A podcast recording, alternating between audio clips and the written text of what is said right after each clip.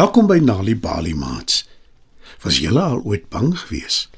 En wat maak julle bang? In vanaand se storie, Die veldmuise en die reuse aardappel, geskryf deur Joanne Blog, hoor ons van twee veldmuise wat baie bang word. Skuif dus nader en spits julle oortjies.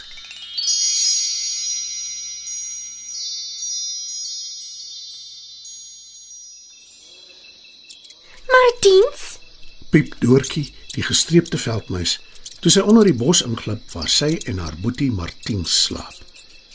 Martiens maak sy oë oop en kyk deur die slaap na sy sussie. Wat? Hoekom het jy na son onder uitgegaan?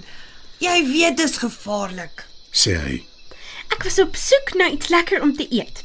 En ek dink ek het iets gekry. Verduidelik Doortjie. Martiens spring op, Wat het jy gekry? Vra hy opgewonde. Dis groot en dis rond. Ek dink dis 'n aardappel. Dit lyk baie skoon en baie blink. Kom kyk. Antwoord Doortjie. Die twee meisies eet al maande lank net mielies. Maar toe breek die dorstyd aan.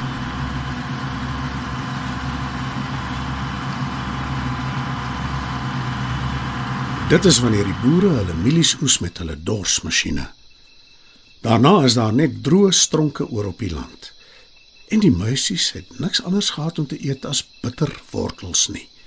Maar nou skarrel Doortjie en Martiens uit hulle bos uit. Moenie geluid maak nie. Ons wil nie hê die groot blink ding moet ons hoor nie. fluister Doortjie.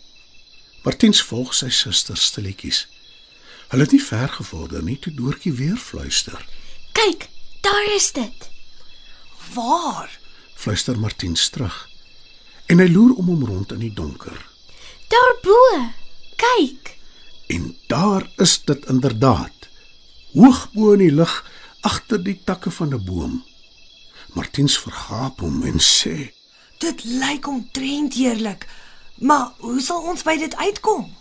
"Die veldmuise wikkel hulle snorbaarde en hulle neusies. Hulle dink en hulle dink. En uiteindelik sê Doortjie: Ek weet. Maar skaars het sy dit gesê. Of die twee van hulle hoor 'n vreemde geluid. Hoe? Hoe? Hoe? Die meisies draai vinnig om en skarrel terug onder hulle bos in. Daai reuse aardappel is net agter die boom. As ons opklim met die takke tot hoog bo, kan ons die aardappel aftrek. Sê Doortjie toe hulle weer veilig voel. Martien stem saam dat dit 'n goeie plan is.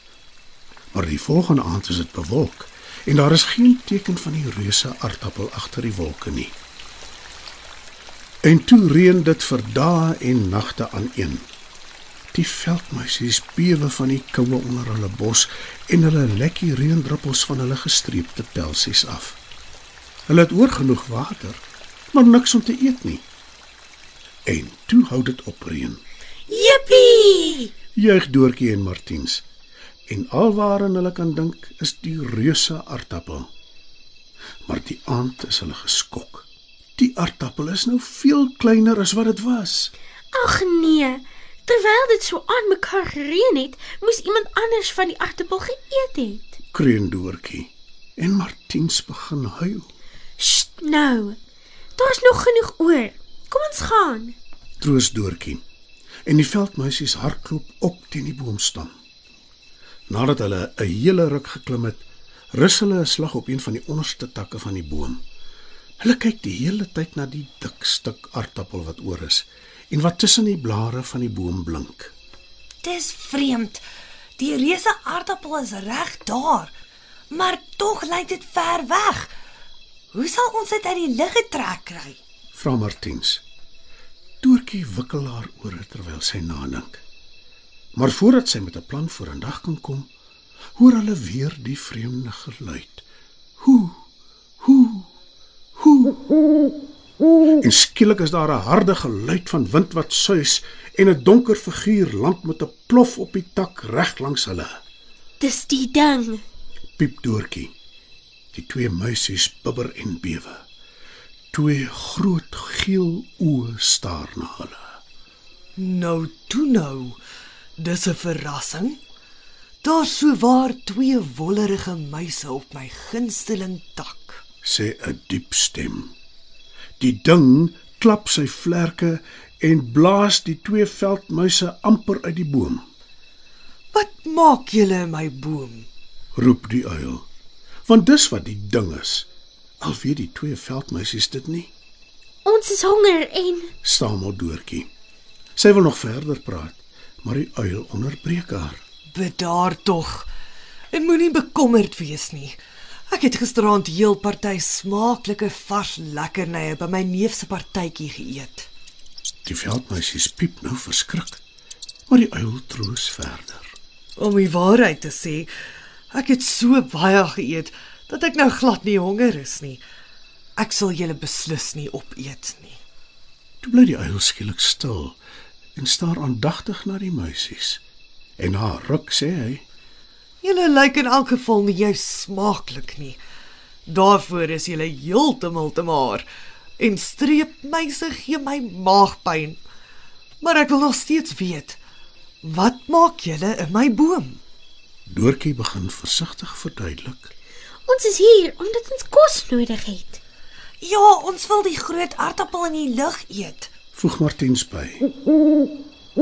Die uil wil hom stikkend lag. Dis nie 'n aartappel nie, julle twee simpel muisies.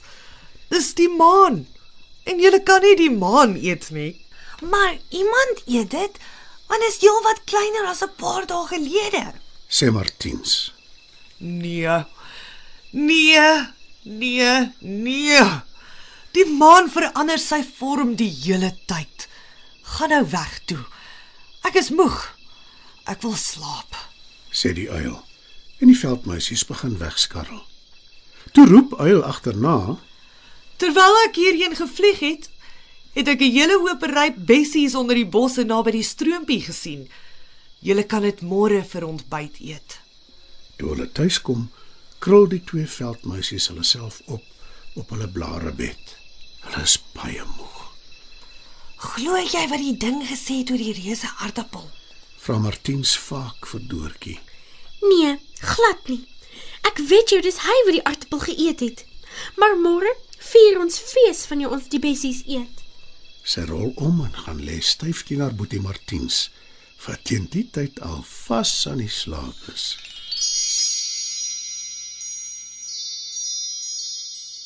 Mats, dit was nog 'n aanbieding van Nali Bali Storytyd. Die titel van vanaand se storie was Die veldmuise en die reuse aartappel, geskryf deur Joanne Blog. Het jy geweet dat om tuis vir kinders stories voor te lees en te vertel, hulle kan help om beter te doen op skool? As jy gratis stories wil hê om vir jou kinders voor te lees of stories wat jou kinders self kan lees, besoek die Nali Bali webwerf www.nalibali.org of die Mobi werf www.nalibali.mobi. Daar sal jy stories kry in 11 amptelike tale, asook wenke hoe om stories vir kinders voor te lees en met hulle te deel sodat hulle hulle volle potensiaal kan bereik. Hou ook koerante dop vir die tweetalige Nali Bali lees vir genot bylaag waarin daar wonderlike kinderstories en aktiwiteite is. Nali Bali. Dit begin met 'n storie.